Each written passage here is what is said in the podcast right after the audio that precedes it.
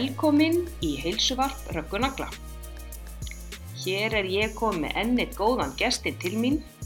Það er engin annar en Gummi Kíró eða Guðmundur Birkir Pálmarsson, kýrópraktor með meiru. Ertu velkomin, Gummi. Takk fyrir það. Gaman að fá þig. Bara indislegt að fá að koma. Mikill heiður að fá að vera með í hilsvarpi. Já, það heiðurinn er alveg allir hérna með. Eh, Það er nú svolítið skemmtilega svona baksagan okkar hvernig við kynntumst er að það er nú í gegnum pappaðinn. Já, pappi hérna, er auðvitað maður sem ég hef litið upp til alla tíð og, og, og dugnar fólkur eins og veist. Og, hérna, og er einmitt uh, vestunstjóri í nett og hortnafyrði. Já, þar var ég að, í eitthvað að heilsu nördast og, og hitti hann og þá sagði mér frá sonum sínum, var opbáslega stoltur að þeim báðum. Akkurat. Annar sem býr í Danmörku og er, er, og er bjó og, og er, er kvikmyndaleikstjóri, Akkurat, Hlinur akkurat.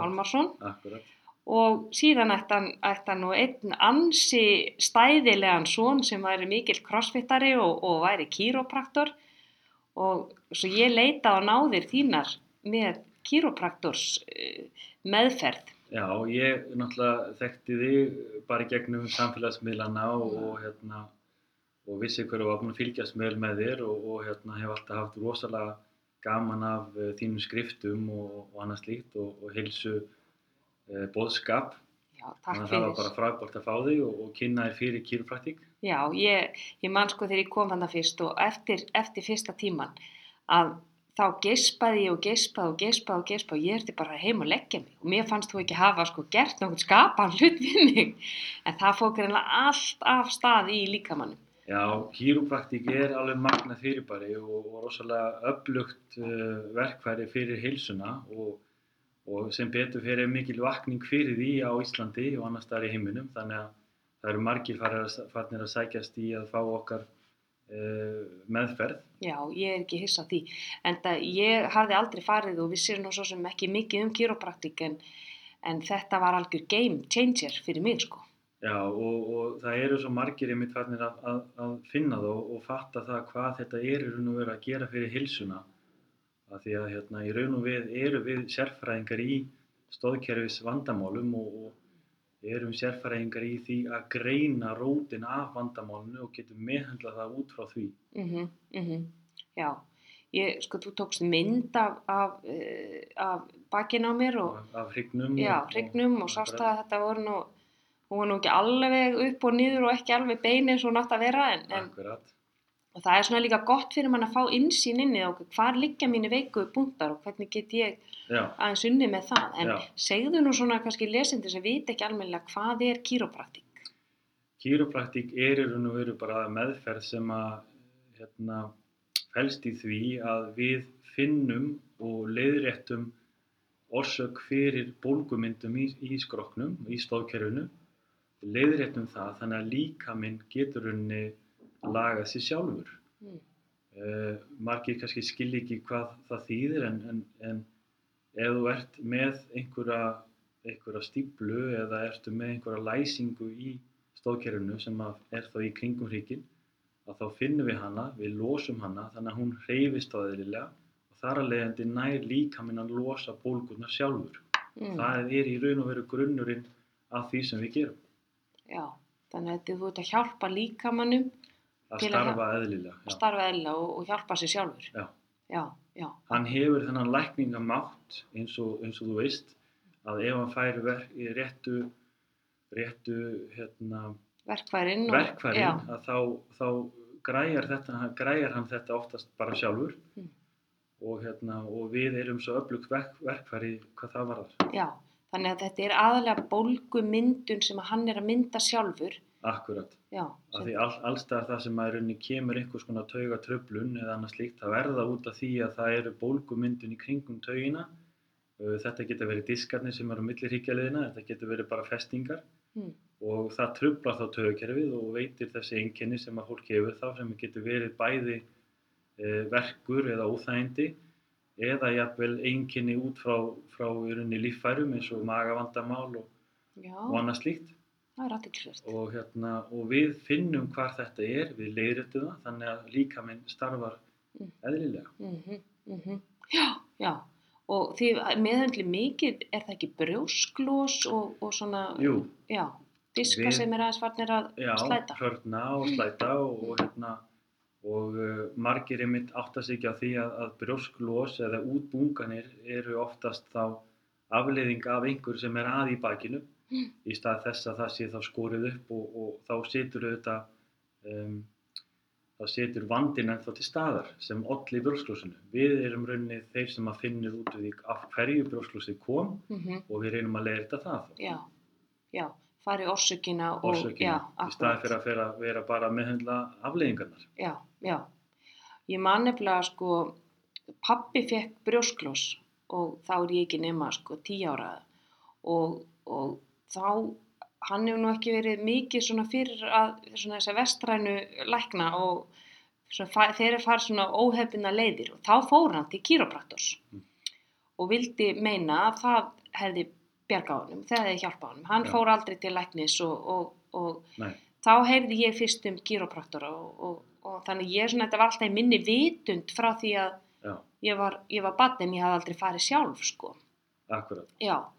Þar, þarna hefur þá viðkomandi kýrópraktur fundið út úr því af hverju pappiðinn fekk brjósklósið annarkvort var það einhver skekkja í spjaldrygnum eða einhver, einhver aftur skriði í einhverjum maður neðstur ríkjalegunum og hann hefur þá náða að leiðrætta það. Mm já, Þannig að, að, að ríkurinn fór þá að hreyfast eðlilega og dróð þá losið tilbaka og hreinsaði burtu. já, Þannig að það er rauninni það sem hefur gerst í honum. já, og hann hefur ekki kent sér megin síðan. og Við erum Akkurat. talað þetta er 30 ár síðan. Akkurat, Já, sko. já. Þannig að þetta er auðvitað ekki, engin ný fræði. Þetta kýrópraktik er 150 ára gamal gömul fræði og, Mm, og hefur verið stundu síðan og, og er auðvitað alltaf að þróast. já, En í grunninn er þetta alltaf það sama. já, Finna meinið og reyna að leiða þetta það. já.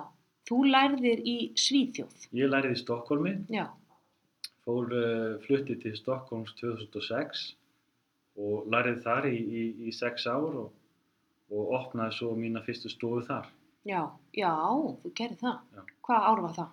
Það var 2010 Já, að hérna, strax eftir nám og þá ákvað ég að, að hérna, hoppa bara í djúbulauðina og, og opna stofu sjálfur. mm. Um, það, er, það er nokkuð vel, vel gert í Stokkólmi. Já. að- já, það taldist vera ómögulegt í runni að mörgum að, að- gera slíkt. Uh, markaðurinn, er, markaðurinn er mjög mettaður og, og þú þarft svolítið að standa út ef þú ætlar að ná, að, ná árangri. Mm, mm, Og hérna, ég hef alltaf staðið fast með sjálfur mér og, og vissi hvað ég gæti og, mm. og hérna hef þetta svolítið bakgrunn í þjálfun og notaði það svolítið til þess að koma mér á framfæri Mm. Þar sem ég opnaði þá hérna, mína fyrstu stofu í vörglas uh, Í Svíþjóð? í Svíþjóð, Í, í Stokkólmi Já, já, þannig að þú svona höfðaðir inn á uh, þessa, þessa íþróttamenn og fólk eh, kannski þeim geira. Já, ég, hérna, ég hafði svo mikið bakgrunn í því og, og vildi nýta mér þá reynslu var að enga þjálfa með til að byrja með og, hérna, og þannig náði ég svona fótfestu uh, mjög fljótt. já, þannig að þínir kunnar komu kannski til þín, til þín sem uh, kýró, kýrópraktors. í raunni og, hérna, og reyndi þá að tvinna svolítið saman með það að vera meðhendla stóðkerfið og svo að sjálfsög að, að þjálfa fólk til þess að, að ná að, og öðlast betri hilsu Já, já, og, hérna, það var mjög vinsælt. já, ég trúa því. Nú ertu, uh, þú ert nú eins og pappiðin, svona sagði, þú ert sérstaklega eh, vöðvaður og stór maður og, og hefur sagt bakgrunn mikinn í crossfit, er það ekki? Og, og varstu í eitthvað í vakstarækt eða? Já, þetta, þetta byrjaði náttúrulega í vakstarektinni Já, eins og kannski mannst eftir að, að fyrir svona 20 árum síðan að þá náttúrulega var vakstarekt svo vinsæl íþrótt á Íslandi og, og hilsa snýrist mikið um það, Mhm. þetta útlitlega. Mhm, og uh, ég var eitthvað í því sem úlingur og kefti sem úlingur og hafði mjög gaman að því. Já, já, í vakstarækt í vakstarekt Já, og uh, svo þróast þetta bara út í runni þetta með crossfitið að, að þegar það var svolítið nýtt á nálinni þá hafði ég bara áhuga fyrir þessari íþrótt af því þetta var eitthvað svona meira keppnisform en bara útlýslega séð. Og það var svolítið það sem að heitlaði mig já, að þessi hérna að crossfit tengist í raun og veru uh, daglegu svona hristi Já. að þú setja að þjálfa skrokkin bæði í styrk og úthaldi Já, þetta er svona funksjónal þjálfun, þetta Já. er svona þjálfun sem að nýtist okkur í daglega lífinu að bera innkaupapókana og, og slengja ferðatöskum upp á, upp á, upp á hattarekka í lestum og svona, þannig að við getum notað, við getum notað þessa jafnhöttun alltaf.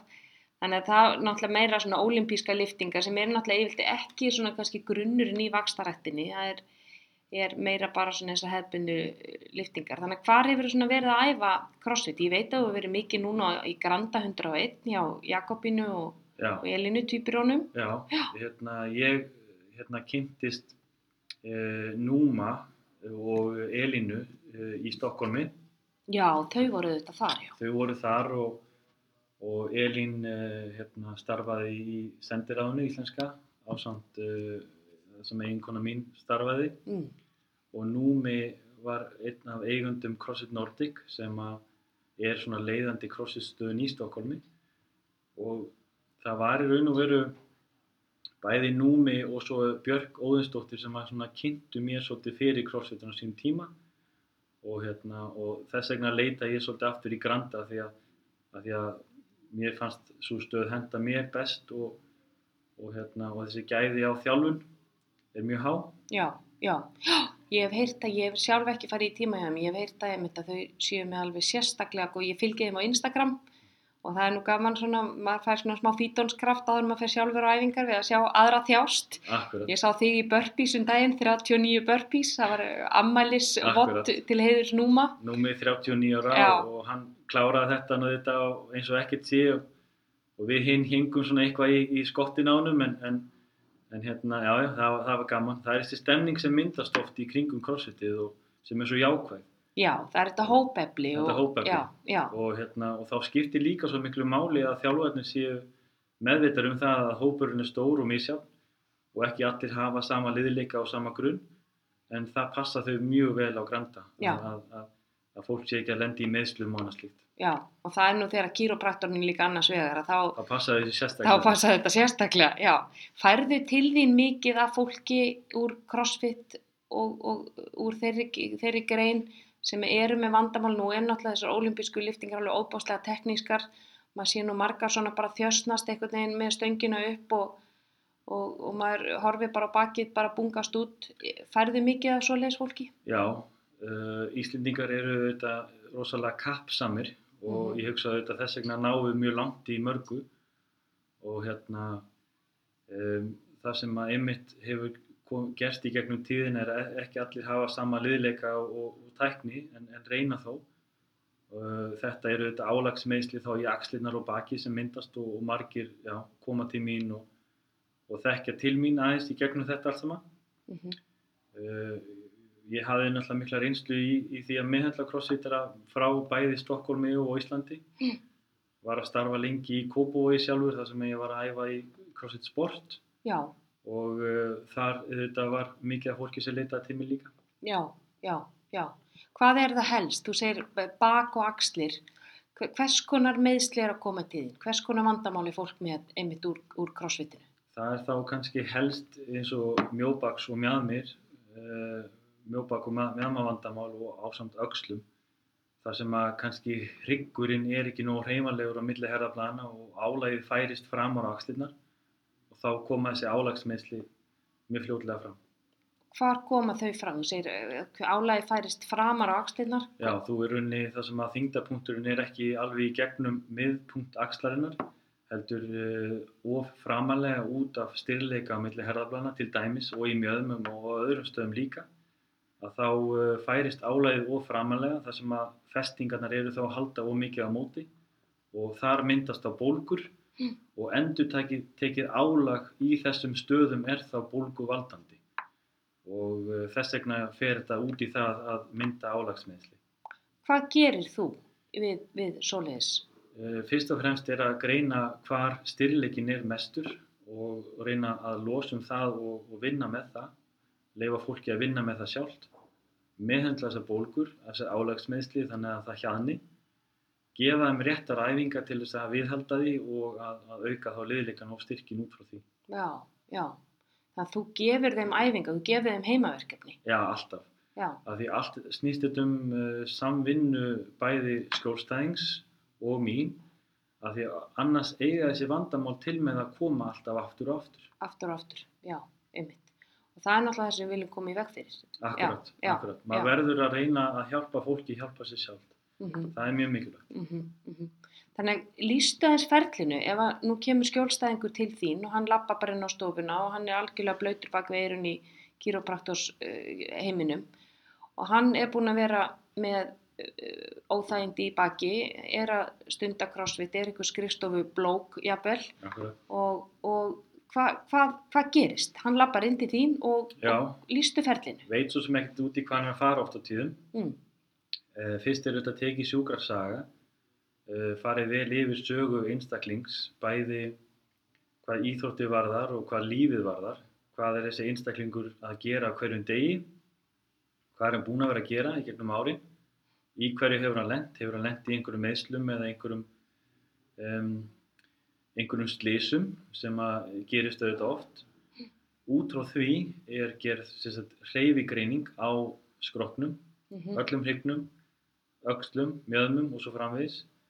Uh, út frá því og út frá sjúkarsögu er þá, er þá ákveðið hvort það sé tekin myndataka til að annarkvort að staðfesta eða hjálpa greiningu, vita hvað má gera eða má ekki gera og út frá því er þá meðhendlun hafin.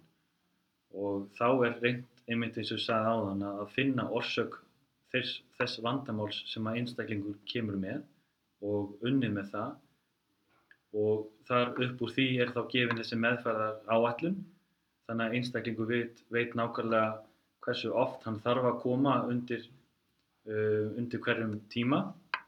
Kannski þrjá til sex vikur fram í tíman er ákveðið að, að, leggja upp meðferðar áallun -hmm. og þannig vinnur maður þetta vandamál uh, hérna, á réttan stað. Já, þannig að hann kemur til þín og þú tekur mynd, er það ekki? Þú tekur mynd af Ef- hrygnum ef þess þarf, já, ef þess þarf. Já. þannig það, það þarf ekki öllum tilfellum. ekki öllum tilugum. Uh, við, á, við þurfum raun og veru að, að meta það hvort þess þurfi. Uh, það er náttúrulega mjög mikilvægt að einstaklingur uh, uh, fái réttláta meðferð út frá hans vandamálum og sjúkarsögu en myndatakan er aðeins gerð til að annarkvort að staðfesta eða hjálpa greiningu. Stundum þarf þess og stundum þarf þess ekki. Og þá er náttúrulega mikilvægt að því það er geislun og það er auka kostnaður sem fylgir því að fara í myndatöku Mm -hmm. og þá er auðvitað réttur einstaklings að, að, að eh, fá rétta meðferð Já, út frá því. já. Eru, sko, mér fannst ofslega gott að fá mynd af mínum hrygg og, og vita, byrju, hér er, hér er skekkja og hér er skekkja og hér þarf þetta að passa þið. Þetta er gert mér svona meira meðvitaða um það hvar mínir veiku, veiku punkt að liggja og þegar ég finna þessi í bakinu og veit ég á þetta vegna þess að þarna er skekkja. Já, Þannig að fyrir fólk uh, eru margir sem að neyta því að fá mynd, veist, er það ekki, er ekki gaglegt að fá mynd af hrygnum? það er það og að því að sko þegar við erum að vinna með fólk að, eins og veist með allt sem við sjáum það skiljum við miklu betur. Ef að ég er að sína þér vandamálið sjónrænt að þá skilur við það miklu betur og þá er svo auðvelt að vinna með það. Mm -hmm. En uh, það er samt svo mikilvægt að, hérna, að myndataka er ekki gerð að, hérna, að uh, einhver, ef, ef þess þarf ekki. Að myndatakan sé ekki gerð að- ef, ef að ég hef enga tilgang til þess. mm. Að þá, hérna, en varðandi myndatökurnar þá myndi ég segja ábyggilega 80% af fólki sem kemur í meðhundlun Mm tökum við myndir af. -hmm. En, uh, en það er mjög mikilvægt að fólk skilur það einmitt að þess þarf ekki alltaf. Nei, nei, þannig að það hafi það, já, já, þetta er svona svipað eins og að fara til tannlæknins, þú þarft ekki að fara í deyfingu, þú hefur, hefur valið um það. svolítið, þetta er svolítið Já, þannig en, já. en, en fyrst og fremst er myndatakan alltaf gerð til að hjálpa okkur í meðferð Já, já, og þetta hlýtur það að hjálpa ykkur líka betur að sjá, Hrygginn og- að, og- að sjálfsög já. það, og, það hefur, og það hefur gert það að verkum maður, maður er alltaf örugur með það sem maður er að gera já. Hvað er kýrópraktik langt ná? Það eru sem sagt, fimm ár eh, fimm ára nám og svo er eitt verknám. Eh, sagt, eitt ár í verknám. Já, þannig að þetta eru samtals sex ár já, og þá færðu leifið þetta er svona rosalega langt ná. af hverju ákvast þú að fara í gyropraktík? Ég vildi alltaf vinna og hérna, með fólki, hjálpa fólki með heilsu. Það var kannski það sem ég auðvitað, fór út í það að vera þjálfari og, og annað slíkt. Svo ákvað ég að hérna, mér langaði að vera sjúkaraþjálfari og, og, og vildi flytja til Danmarkur. Átti svona svolítið rætur þar og, og sótti um á flestum stöðum, fekk ekki yngöngu. Nú, Þannig að hérna, þeir með að naga sér handabökin við það. Já, uh, fór þá strax auðvitað að, að hugsa mig um hvað ég ætti að gera og var svo tilbúin til að gera eitthvað þannig að það stóð þannig til að einn góðu félag minn var í námi í Stokkólmi við þennan skóla og ég hringdi í hann og, og spurði spurði hvernig ég væri og annað slíkt og hann sagði bara driði bara, þetta er bara indislegt og, og, og ekki spurning að þú ættir að koma hingað og þannig að ég dreymi bara já. Þannig að sjúkraþjálfara draumurinn var laður á hilluna Já. og gyropraktík tók við. Akkurat, Og við þökkum fyrir það. Já, já. Já, já, þannig að, og svo, þannig að þú fóst til Stokkólms já, og varst þar sérst þá í þessi sex ár já, og opna síðan þína eigin stofu. stofu Já, og þú varst náttúrulega með fjölskyldu Já, og, já, við, Hérna, við Rakel uh, erum núna búin að vera saman í, í 17 ár, held ég, sem komið. þið giftuð ykkur nú bara fyrir stuttu. Við giftum okkur bara fyrir ári síðan, Já, uh, eigum þrjú indislega börn saman og, og það fyrsta var einmitt ný komið bara þegar við fluttum út, þannig að við vorum með unga batt þegar við fluttum til Stokkólms. Um, ég, hérna, Rakel fór strax að vinna þegar hún kom út og fór svo sjálf í, í, í áframhaldandi nám eftir það og Já. hérna fór í masterinn. já, og, og hérna, eftir það fór hún síðan að vinna hjá sendiráðinu í, í, í, í Stokkólmi. Svo opnar stofuna og, og, og þú ert með hana, síðan flyttur heim hvenar? Já, við flytjum heim 2012 sumarið. Eh, Þá er ég búinn að starfa á þessari stofu í, í 2,5 ár cirka og hérna er þá reyndar komið með tvær stofur um, og hérna báðar á líkarlætta stöð, stöðum sem að mér fannst ég vera svolítið mín köllun. Mm. Um, uh, en þá kom tilbóð frá Íslandi um að starfa í Kópavogi og, mér leist rosalega vel á það. Mm. Uh, mig langaði auðvitað að verða ennþá betri kýrópraktor -hmm. og eins og í mörgu að þá er svo mikilvægt að, að, læra meira þó maður sé útskrifaður og, og, hérna, og e- hafa mentor sem að maður lærir af og, og annað slíkt. Mm. Þannig ég svona var svolítið spenntur fyrir því. Ég vissi líka að Rakel var svolítið við hugan að, fara heim. Mm Búin að vera þá í Stokkólmi í rúmlega sjö ár. -hmm. Þannig við bara stukkum til, uh, ákvaða þá bara að selja stofunar og, og, hérna, og flytja heim. Já, já. Þannig að þá komstu heim og fórst að vinna í, í kýrópraktastöð sem var aftur inn í líka sættastöð. Já, akkurat. Þá dætti svolítið bara inn í sama umhverfi Já, og, og fann mig strax þar og, og, og þessi fjögur ár þar voru alveg bara frábær. Læriði alveg heil mikið og, og hérna og hérna og gatið einmitt svolítið tvinna þetta saman við samstarf við engaþjálfara og, og svo mig sjálfan sem kýrútur. já, þannig að þeir vísa á þig fólki sem er með, með vandamál sem þið telja að þú getur meðhundlað. Já, Já. Þannig að hvernig vandamál ertu þá að fá eins og frá bara svona hinnum hefbundna ræktar yðkanda? Ekki sem er á crossfit leveli, heldur Já. er bara svona að rífa í játnið. já. Já, Þessi, hérna, það, það getur verið ímislegt og, hérna, og snýr oftast ekkert endilega að ræktinni sem slíkt. mm. eh, kannski bara þessu daglega og það getur verið, það getur verið höfverkir, mjög algengt, já, bara almenn bakvandamál uh, út frá annarkot mjöðmónum eða spjaldhrygnum eða mjóhrygnum, verkir undir herðablöðum, verkir á milli herðablaðana, öxlum, þannig að það er allur gangur á því í raun og veru. og hvað, hvað er, hvað orsakar? Hvað orsakar til dæmis svona, þú færði eitthvað sem er með höfuverki? Já, Er það þá einhvers konar tauga, klemm taug eða, það er oftast eitthvað sem, að, eh, sem er þá annarkot klemt eða er ekki að hreyfa stæðilega, það sem að mynda þá útfróðið eru þessar bólgur sem hún var að tala um aðan. mm og uh, kannski eitthvað sem er svona klassíst vandamál með höfuverki er til dæmis að rótin liggi í, í læsingu á milli herrablaðana já, út frá þeirri beitingu þegar þú nærið ekki að beita brjóstbakinu sem er þá hryggurinn á milli herrablaðana eðlilega að þá myndast spenna og bólga út í til dæmis ein af, ein, eitt rifbeins eitt rifbeins liðin sem er mjög tauga næmur. Já.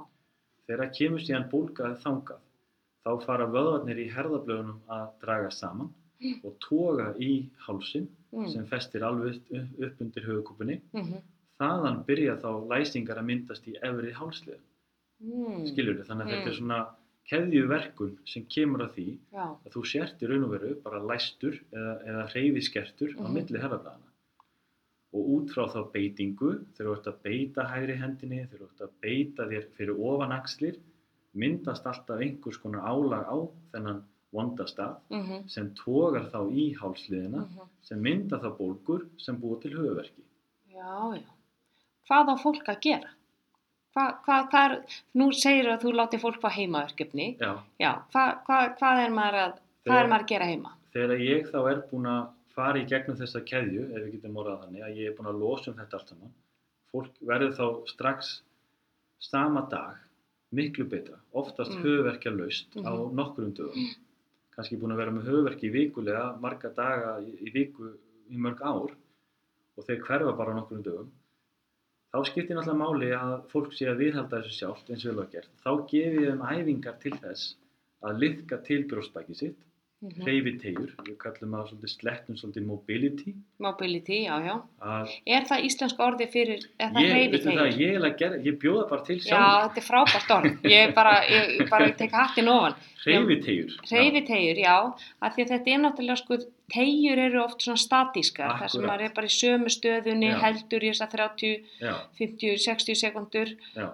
en mobility er svona eins og svona dýnamískar. akkurat og Já. svo miklu, miklu eðlilegri, finnst mér í raun og veru að þú sért að hreyfa þig í tegjunni að, að láta vöðvakerfið vinna á meðan þú ert að tegja Já, já, og, hérna, og, og þar að leiðandi stóðkerfið já. Og hvað, fyrir, fyrir fólk sem ekki veit hvað mobility eða hreyfitegjur er, Já. hvað getur útskipt það fyrir okkur? Það er sko í raun og veru bara liðleikaæfingar. Uh, til að auka liðleika, og þá þarfstu auðvitað að hreyfa þig. Til að auka liðleika þarfstu að tegja á en, og þetta er bara tvinnar það tvent saman. Og hérna, mobility hefur auðvitað komið rosalega stert inn út að til dæmis íþróttum eins og crossfit.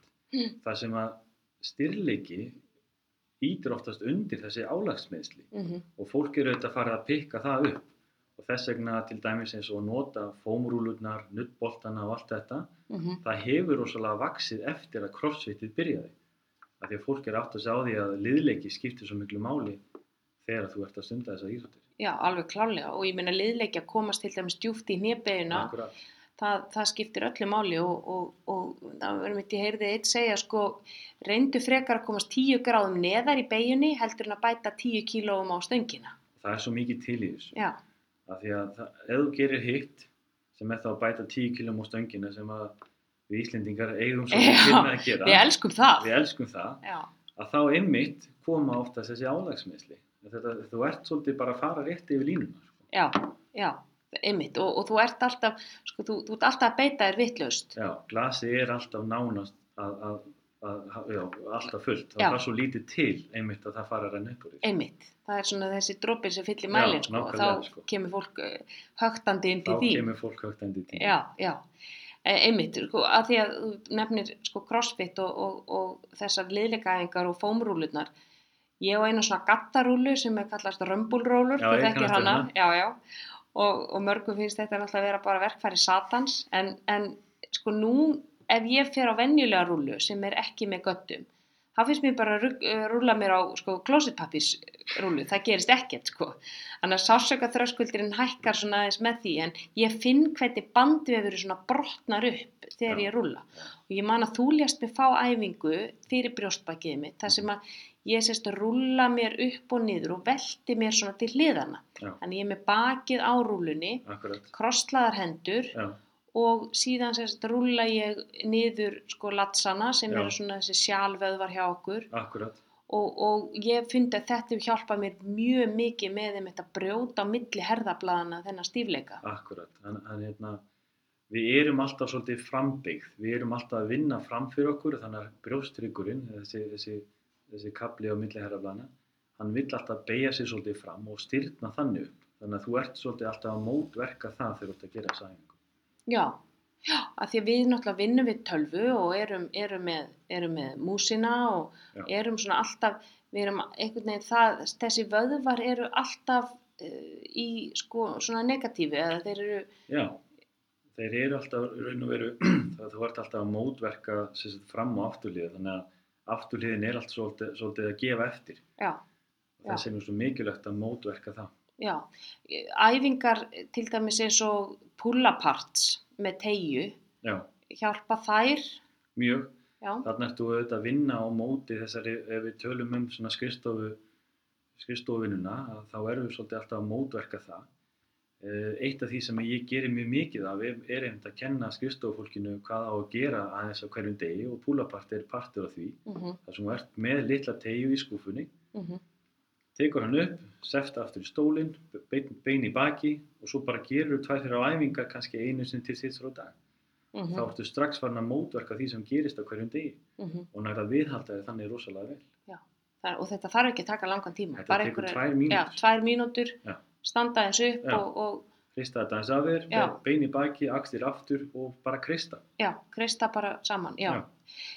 En, en hvað með að tegja til dæmis eins og á brjóstvöðum? Nú Já. eru, þeir, koma þeir á móti, Já, þannig að tegja þá, þannig að opna þá betur. akkurat, Hjálpar það? mjög og Mm. bara öndun uh, Mm. yfir höfuð, af því við öndun oft svolítið, annarkvæmt svolítið grund eða bara svolítið í gegnum brjóskassan á okkur í staðan fyrir í gegnum maða Mm.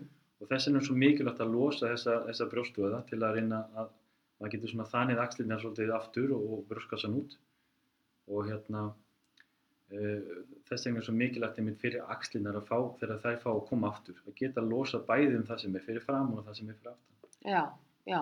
Það er eiga til að rúla nefnilega svolítið fram Akkurat, hjá okkur og, og, og ég, get alveg sagt fyrir mig því ég er ekki dugli í pull-aparts og Nei. þetta er svona vandamál og maður finnur það og, og sérstaklega sko vinstra megin hjá mér er, er svona meiri Já, við er- erum alltaf með svona okkar dóminerandi síðu ég, nú sletti ég svolítið bæði á ennsku og já, sænsku, og sænsku, já, ég menn ég- veit ég það með já, Dana hérna já, já, já, já, en hérna, þannig að við erum aldrei kannski jafn öflug báðu megin. Nei. og hérna, við þurfum svona aðeins að vera meðvituð um það bara. Og hérna, reyna þá einmitt að vinna svolítið á móti því. En svo er það líka þannig að pottið þegar þú ferð að finna fyrir einhverju þá leitar alltaf í þessa æfingu aftur. Og þá, það er bara því þú ert orðið meðvituð um já, það já, en hérna, og þess vegna við erum þetta mennsk og þurfum ekki alltaf að vera fullkomin. En við höfum þessi verkværi þegar við þurfum að þeim að halda. Já, og þó að sé alltaf gott að koma öll í rútínu að þá höfum við svolítið eitthvað svona sem við getum gengið að. Já, já, einmitt. Mér langar svolítið að vita því að þegar ég kom til þín og, og svo labba ég út og mér finnst einhvern veginn ekkert hafa gerst og ég sest inn í bíl og kveikja honum svo bara byrja bara einhvern veginn líka mig bara að taka yfir. Og ég byrja bara að geispa og geispa og, og ég er bara gjörsamlega niðurlótum komin, ég hef labbaði inn til þín alveg urlandi fersk, bara eins og ný strauð flík. Og, og, og síðan finn ég bara einhvern veginn hvernig bara þreytan kemur. Hvað er að gerast í líkamannum eftir svona sessjón? En Þetta er í rauninni, er tögakerfið það er svolítið að vakna til lífsins ekki það að það hafi ekki verið eitthvað, eitthvað, eitthvað sofandi en, en, en allavega einhver, einhver svona þrýstingur að því. Og leið og líka með færi tækifæri til þess að auka flæðið þá þá gera hann það alveg um leið. Þess vegna fannst þú fyrir þessari þreytu. Það, það, það þurfti svo mikla orku í tögakerfið þitt að þú varst bara þreytt. Mm. þú þurfti bara að kvíla þig. Og leið var rauninni tögakerfinu að gera sitt. Já, það var bara það sem gerist já. Þannig að þetta er í rauninni taugakerfi sem er að taka við sér já, þetta. já.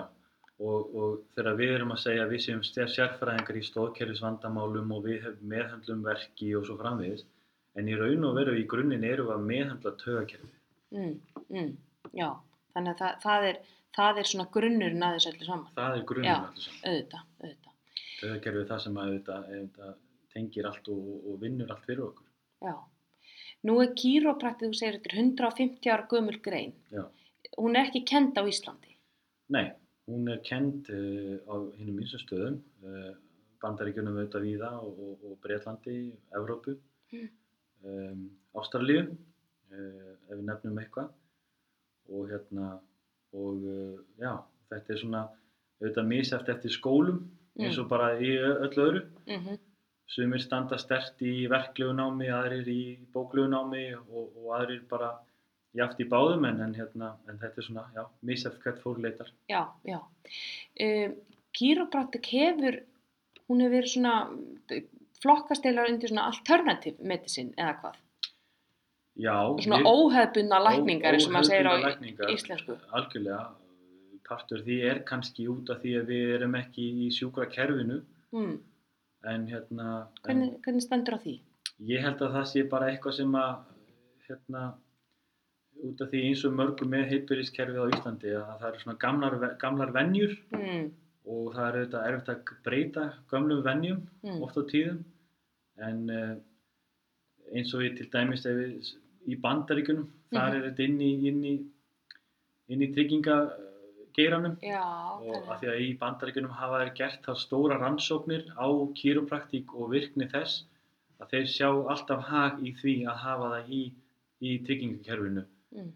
uh, og, og sjá sparnaðin í heilbyrðiskerfinu út frá því og það er eitthvað sem ábyggilega koma að skala á Íslandi Eru þá lítið um rannsóknir hér á áhrifum kýrópraktik?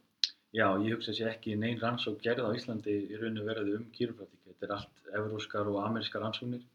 En, eh, en kýropraktík í Ameríku uh, myndi ég segja stand, stendur rosalega stert.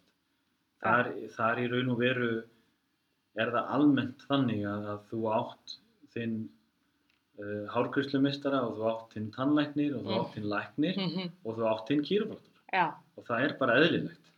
Og, hérna, og þetta er eitthvað sem að ég mitt ábyggilega mun verða þannig hérna á Íslandi líka. já, vonandi, Já, vonandi. já. Og, og þetta er svona svipað eins og í, í, í Danmörku. Þar er til dæmis sko að þar er fólk einmitt með sinn hálfgjörnslu mann og tannlækni og, og sinn sjúkraþjálfar og svo er það með sinn sálfræðing. Já, já, Og það er bara allt saman sko út bara out in the open sko. Já, það, ég, ég er að fara til sálfræðings, það er bara að tala um það eins og ég sé að fara, fara í, í, í klippingu sko. sem er þetta bara eðlilegt. Já, því að við þurfum að sinna öllu og, einmitt, og svo er maður sem með sinn kýropraktor, með sinn sjúkraþjálfara við erum að sinna bæði sko andli og líkamli og heilsun okkar Já. og þetta á ekki að vera neitt tabú. Það er ekkit, nei, og ég, ég sé rosalega breytingu á þessu á Íslandi, finnst mér. Já. Fólk er miklu opnara fyrir þessu. Ég er sjálfur, ég hitti oftast tvisar í mánuði minn markþjálfa slass uh, sálfræðing, Já, af því að ég veit bara hvað það hjálpar mér. já, Og hérna, þetta er eitthvað sem er bara mikil vakning fyrir. já, sem betur fyrir og nú er nú frumvarp sem að líku fyrir alþingi um að fá sko sagt Já.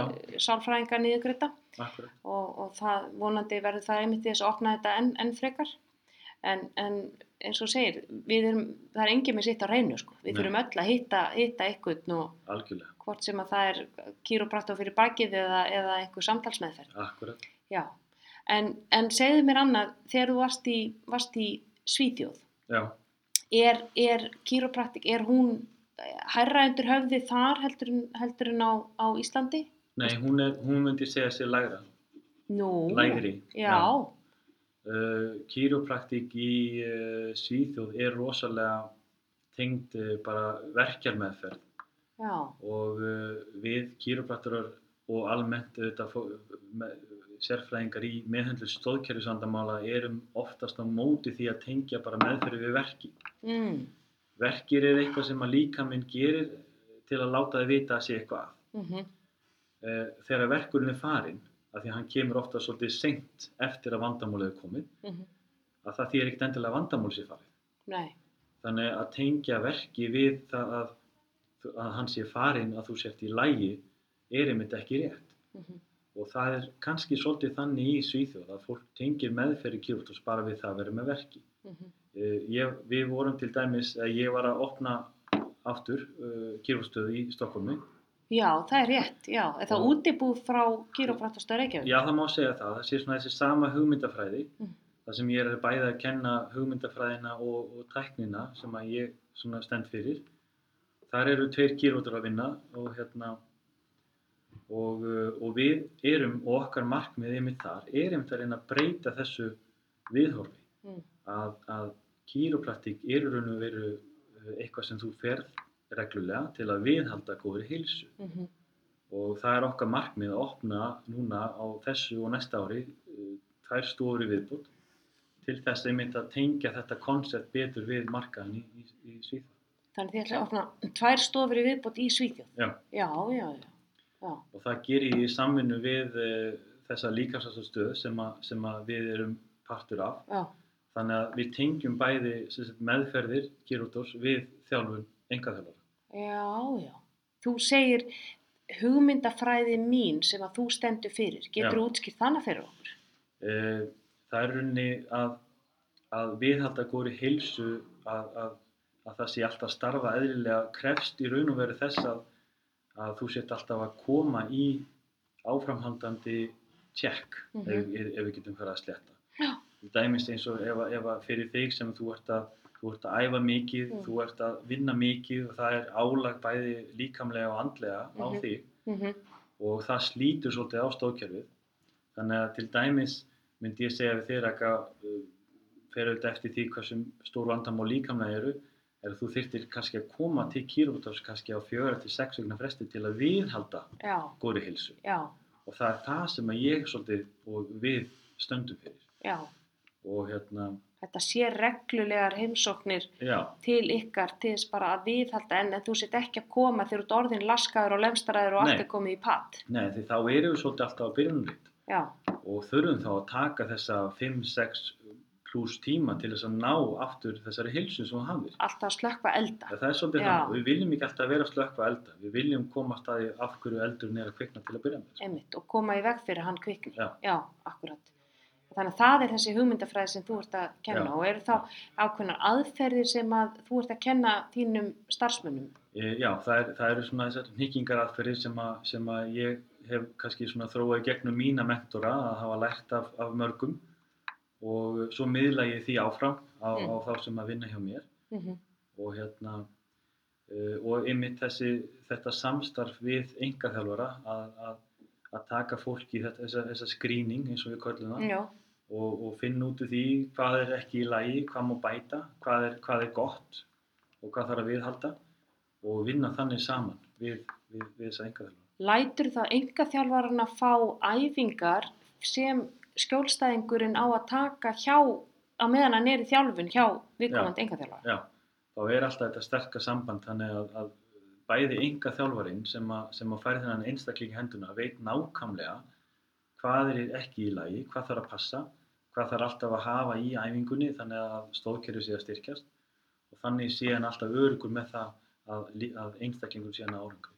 Þetta er frábær nálgun. Já, Algjörlega. við vitum það náttúrulega úr, úr bara fræðunum að sko heldni við einhverja meðferðar áallun er alveg sérstaklega lág. algjörlega. Fólk algjörlega. sko tekur ekki lifin sín, það fer ekki eftir fyrirmælum. Já, Uh, við náttúrulega sem sálfræðingar látum fólk á heimaverkefni og það er, er sko 90% tilfellega að koma þau ó- óútfyllt í næsta Algjörlega. tíma algjörlega. og, og maður þekki það bara sjálfur, ég meina maður fyrir tannlæknis og hann segir hvinnar notar tannþráð síðast Já, akkurat. þegar ég var einna síðast Já, og við förum allt og sjálfandi talans. allt og sjaldan. Já.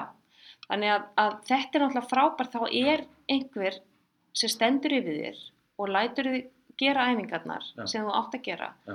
og passar líka upp á einmitt að það séu ákveðnir sko punktar sem er alltaf unni með í, í hverju þjálfun, í hverju já. þjálfunarsessjón. Það þarf alltaf að vera markmið með þjálfunni þannig að sé árangur náður og, ein, og líka enga þjálfun er svo miklu örugari því að enga þjálfur eru kannski ekki sérfræðingar í greina að stóðkerfisáttamál Nei, en þeir eru kannski vita að öxlinn sé ekki að haga sér eðlilega eða, eða að baki sé ekki að, að, að, að mynda þennan stöðuleika sem það þarf í æfingun og svo framvegis og, og þá veit hann bara nákvæmlega hvað er að, hvað þarf að passa og þá, þá er allir svo örugir. já, já, einmitt.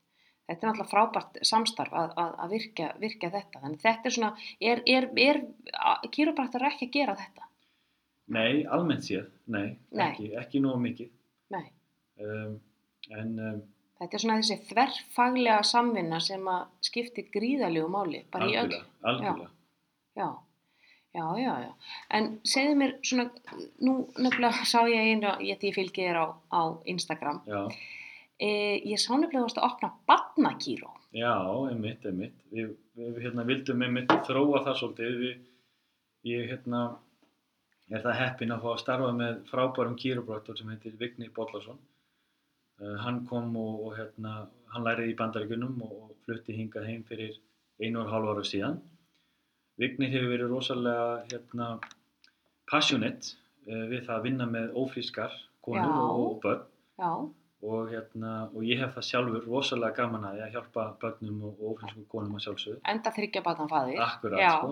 Þannig að það hefur alltaf leiðið svolítið eh, hérna, á mínu áhuga svið líka. Uh, ekki margir vita það að við erum að miðhundla börn Mm. og mörgum finnst það kannski frekar kannski eitthvað skríti eða halda þessi hættulegt eða eitthvað svo leiðis. Þannig að þetta var kannski svolítið okkar leið að tengja uh, tengja bæði almenning og líka bara heilbyrðiskerfið uh, inn í það að það sé eðlilegt að, að börn sé að mæta til kýrbútus í meðferði. hversu ung eru börnin að koma til ykkar? Alveg frá því séu nýfætt. Sko. Mm. Það er unni aldurs, aldurs hérna, bilið er unni bara á, á ekkert sérstakt. Sko. Það Nei. getur verið alveg frá bara nýfætt alveg upp í, í úlingsaldur og upp frá því. Sko ef að, ef að, og nú er nýbökumóðir heima að hlusta Já. á þetta hlaðvarp, á heilsuvarpið og hún hugsar býtu, ætti ég að fara með barnið mitt til kýrópraktors? Hver, hverjir er að koma með barnið, börnin sín til ykkar? Oftast er það einmitt þetta, þetta, hérna, þetta svona síðasta ráðið Mm. að, að leita til okkar. Mm. þá er það auðvitað því, út af því að, að þessi nýbakaða móður er með barn í höndunum sem er annarkvort mjög óvært. Já, Það er kannski ekki að sofa nægilega vel, uh, er oftast að, að kvenka sér eitthvað mm. og uh, henni finnst það náttúrulega ekki eðlilegt. Mm. Því líður greinlega ekki vel. Mm. Þá er auðvitað það fyrsta sem að fólk uh, og ungir fólkdrar að gera og, og eldri auðvitað líka er að það fer með barn til barnalagnis Mm Eh, Það hefur verið að aðtúa alls konar óþóls uh, einkenni og, og, og eitthvað sem að tengist svoleiðis hlutum.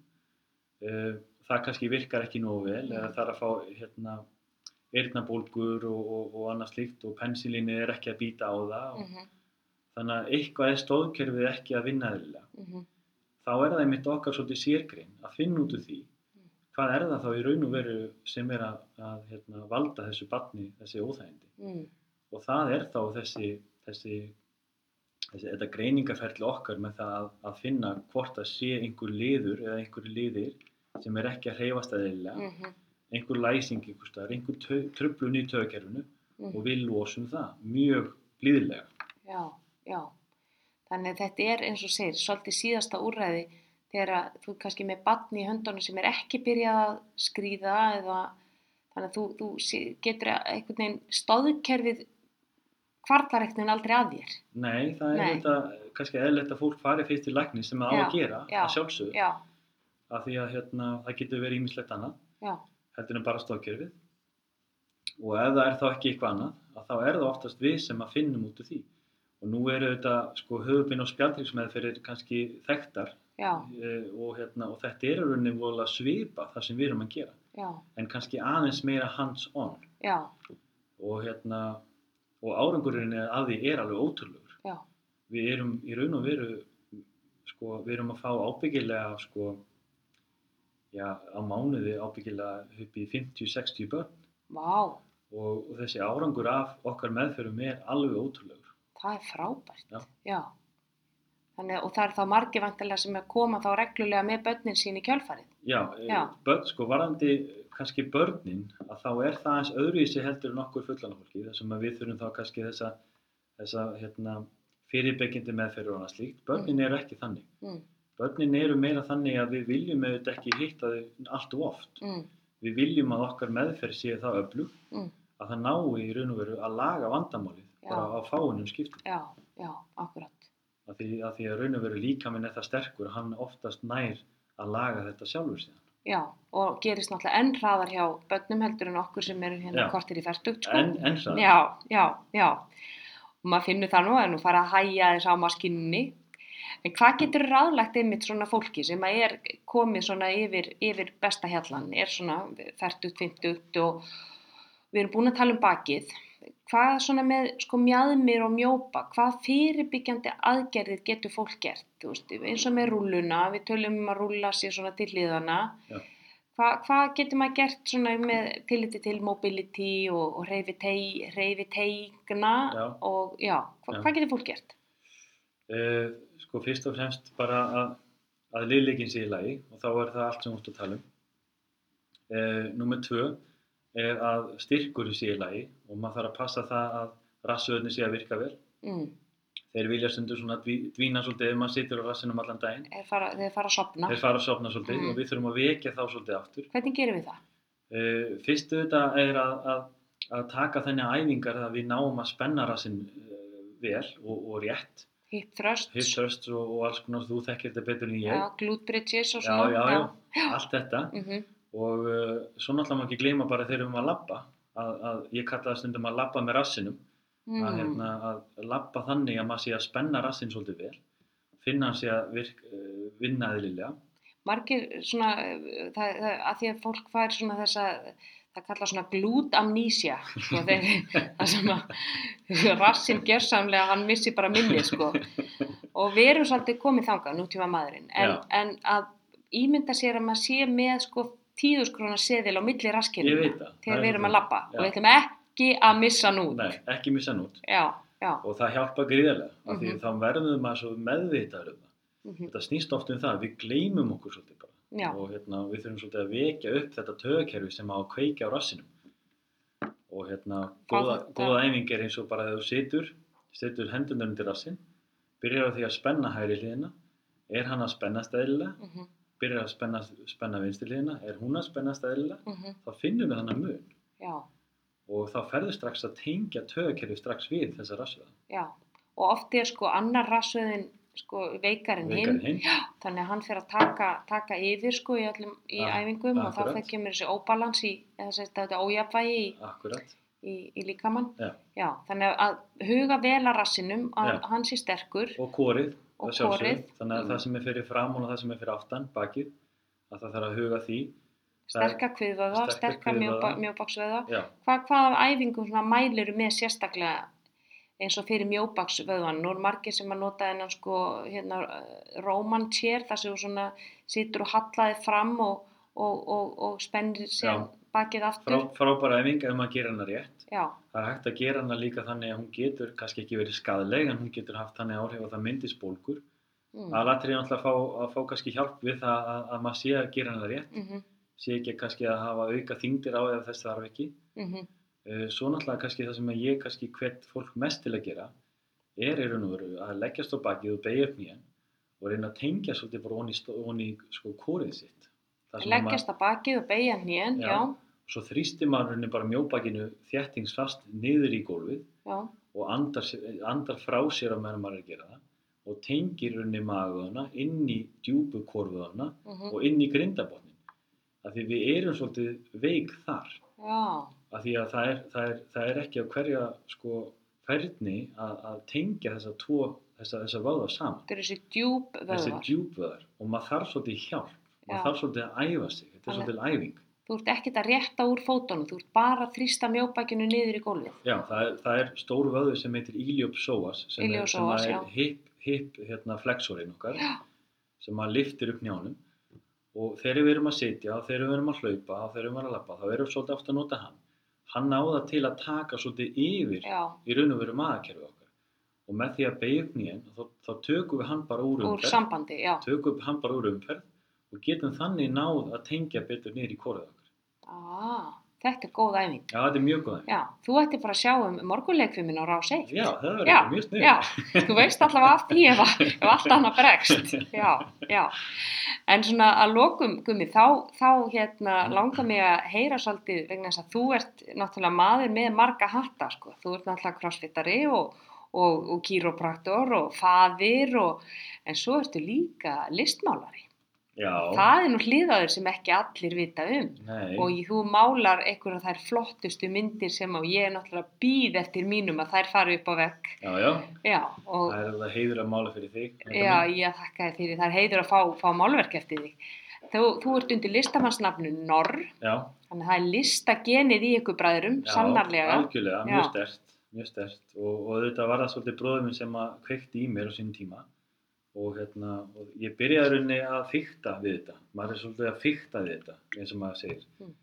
að hérna, mála málverk og svo eh, eins og kannski margt annað sem að ég hef kannski brennandi áhuga fyrir, að þá, þá fer maður svolítið upp í 150% Mm.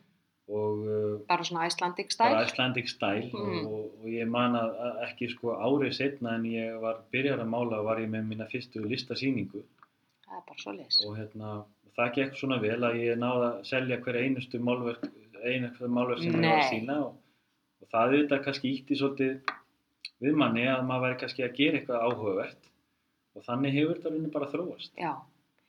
Og hvena var þessi fyrsta þér? hún var hún var í Stokkólmi 2009 Já, það, já, tíu ár síðan. já, það eru tíu ár síðan Góðan daginn. Já. og hérna og þá síndi ég litlu galleríi hérna á, á Söder eins og það heitir. Mm og hérna og eins og sé, það gekk svona svakalega vel að, hérna, að, að það hefur bara ekki verið aftur snúið. Nei, en listin er svolítið bara hinn, hinn, hinn hliðin af mér í raun og verðu varandi þessa andlegu hilsu að ég fá að vera skapandi og fá að vera svolítið frjáls. Þetta er svona þitt mindfulness. já, í raunni, þessi, þessi óheflaði gummi sem að færa að, að, gera bara það sem hún er langað til Já, og hvar málar, hvar, hvar ertu? Því að þetta er, það er ekki eins og sért sko með, með lítinn pensil og, og þetta eru, þetta eru aðgerðir. Ég sé þetta á Instagram hjá þér og Já. þetta er, er skvett úr, úr Já. fötunum. en það er bílskutin bara heldtekinn Já, bílskúrin er fær, já, í ég, þetta ég verkefni. er það heppin að, hérna, að, vera með fína bílskúr og, og get þá að sjálfsögðu bara rölt þangað á, á, hérna, á no time og, og mála svolítið í staðan fyrir að fara alltaf í burtu frá fjölskyldinni og það er þetta tímafrekt en hérna já, ég mála bara mest í bílskúrinu Út, já, þar, þar, þar er þitt playground. Já, Akkurat. já, út í bílskúr með þig gummi minn. Já, já, já. En það er búið að vera frábært að fá þig, gummi. Við erum fyrir, hérna... það er bara æslegt að fá að koma Já. mikil heiður að koma já, mér bara virkilega fróðlegt og skemmtilegt Frábært. og uh, við viljum fá að heyra hvar, hvar ert þú með stofu? Ég er í, í Fagstafinni 14 uh, í, á Kýropraktorstöð Reykjavíkur og hérna Fyrir þá sem mun eftir gömlu hreyfingu hér í, í Já, gamla daga, þá er akkurat. þetta í sama húsi. sömu hæð og, gamla reyfing og núna er Reebok Fitness búin að opna þarna á sömu hæð Já, já, já, og þar eru við til húsa. já.